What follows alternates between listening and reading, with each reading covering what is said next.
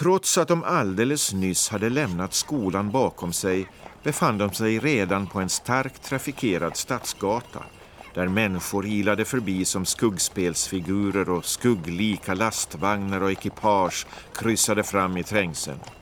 Allt var liv och rörelse som i en riktig stad. Att döma av de smyckade skyltfönstren kunde man se att det återigen var jul. Men det var nu kväll och gatorna var upplysta. Anden stannade framför ett affärskontor och frågade Scrooge om han kände igen det. Om, sa Scrooge.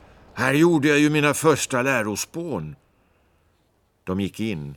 En gammal herre i peruk satt vid en pulpet som var så hög att om han hade varit två tum längre skulle han ha stött huvudet i taket.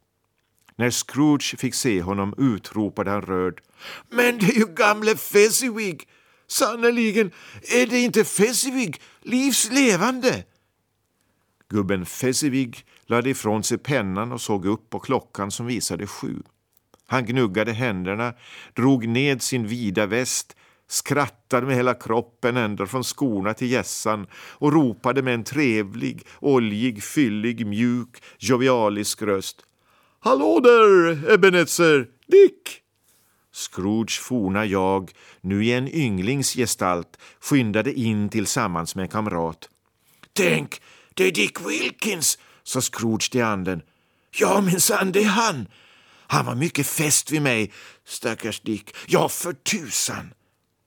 Jaha, pojkar, sade Fezzuig. Nu slutar vi för idag. Det är ju julafton. Dick, det är ju jul, Ebenezer. Sätt för fönsterluckorna pojkar och i det rödaste rappet, skrek han och slog hårt ihop händerna. Ni kan inte tro med vilken fart det gick. Pojkarna rusade ut på gatan med luckorna. Ett, tu, tre satte de upp dem på sina platser. Fyra, fem, sex bommade till och låste dem. Sju, åtta, nio och innan man hade hunnit räkna till tolv kom de tillbaka flåsande som kapplöpningshästar. Raska på! utropade gamle Fezziwig och hoppade lätt som en yngling ned från sin höga kontorsstol. Städa undan nu pojkar och låt oss få lite svängrum. Raska på Dick, rör på benen Ebenezer!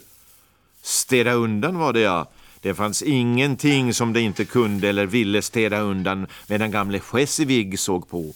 Det var gjort på en minut. Allt flyttbart röjdes bort som om det bandlystes från det offentliga livet för all framtid. Golvet sopades och strilades, lamporna putsades, brasan matades med kol och snart var kontoret lika fint och varmt och torrt och strålande som en balsal och bättre kunde man inte önska en kall vinterkväll. Nu kom en spelman in med sitt nothäfte och tog plats på den höga pulpeten och började gnida på sin fiol som en hel orkester så det lät som 50 magknip. Nu kom Mrs Fezziwig som ett enda solitt leende. Nu kom de tre misserna Fezziwig, täcka och strålande. Nu kom de sex unga beundrare vilkas hjärtan de hade krossat. Nu kom alla de unga män och kvinnor som var anställda i firman. Nu kom husan med sin kusin, bagaren. Nu kom köksan med sin brors specielle vän, mjölkutköraren. Nu kom pojken tvärs över gatan som troddes inte få nog mat av sin husbonde. Han försökte gömma sig bakom flickan från grannhuset som han visste blev luggad av sin matmor. Nu kom de allihop den ena efter den andra. Några blygt, andra självsäkert, några graciöst, andra förläget. Några rusade in, andra måste dras in. Men de kom i alla fall. Och så tog de varandras hand. Tjugo par på en gång och dansade först åt ena hållet och sedan åt det andra. Upp mot mitten mitten och tillbaka igen, runt, runt, mer eller mindre kärleksfullt omfamnade. Första paret kom alltid tillbaka på fel plats och det nya paret började alltid för tidigt och snart var alla paren i täten och till slut fanns det inget par kvar som kunde börja turen om igen. När detta resultat hade åstadkommits klappade gubben Fezziwig i händerna för att dansen skulle upphöra. Bravo! skrek han medan spelmannen körde ned sitt glödande ansikte i ett krus porter och som särskilt satts fram för detta ändamål. Men när han åter dök upp igen brydde han sig inte om någon vilopaus och började genast spela igen trots att ingen var uppe och dansade. Det var som om den förre spelmannen utmattad hade burits bort på en fönsterlucka och här satt en splitter ny man besluten att övertrumfa honom, kosta vad det ville. Det blev mer dans och så pantlekar och mer dans igen och tårta och bål och en stor kall rostbiff och en stor kokt skinka och köttpastej och öl i långa banor. Men höjdpunkten på kvällen inträffade efter rostbiffen och skinkan. När spelmannen, en stor spjuver som förstod sitt yrke bättre än ni och jag kunde ha lärt honom, spelade upp Sir Roger de Coverley. Då reste sig gamle Fezziwig för att dansa med Mrs Fezziwig.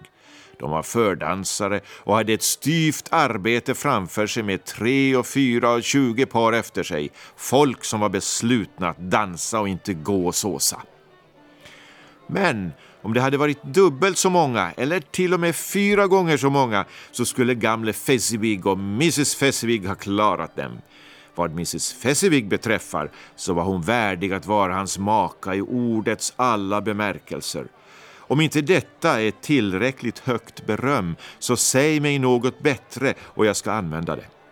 Fezziwigs vador lyste så att det gjorde ont i ögonen och glimmade i dansens turer som halvmånar. Man kunde aldrig säga vad det skulle bli av i nästa ögonblick och när gamle Fezziwig och Mrs Fezziwig hade gått igenom alla turerna, avancerat och retirerat, korsat händerna parvis, bugat och nigit, bildat kedja och bytt damer och återvänt till sina platser, gjorde Fezziwig en piruett och saxade med benen så skickligt att det flimrade för ögonen och kom ned igen på fötter utan att vackla. När klockan slog elva var den trevliga balen slut.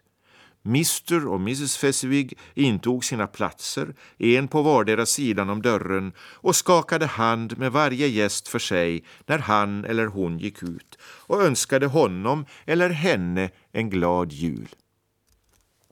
När alla gästerna hade gått, utom de båda kontorspojkarna, sade de godnatt också till dem och så dog deras vänliga glada röster bort och pojkarna uppsökte sina bäddar under disken i ett litet krypin bakom kontoret.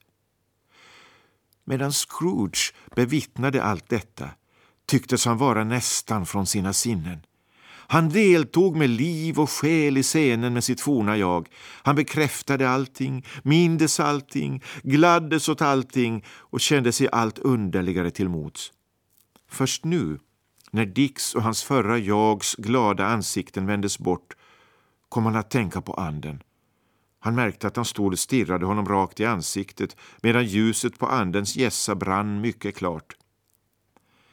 De där enfaldiga människorna är verkligen tacksamma för bra lite, sa anden.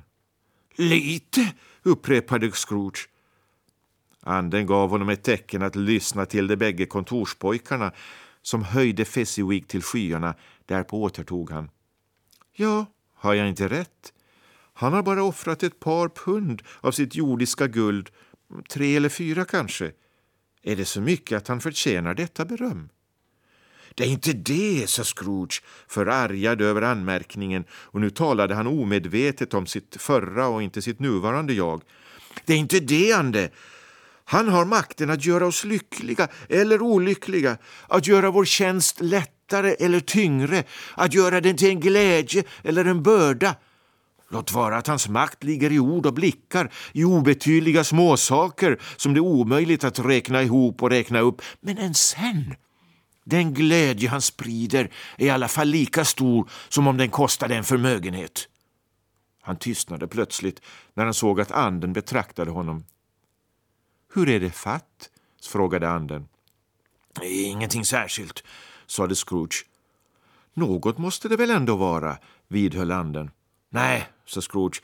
Jag skulle bara ha lust att säga ett par ord till min bokhållare just nu, om jag kunde. Det var bara det. Just som han uttalade denna önskan skruvade hans förra jag ned lampan och Scrooge och anden stod åter bredvid varandra i fria luften. Min tid börjar bli knapp, anmärkte anden. Fort!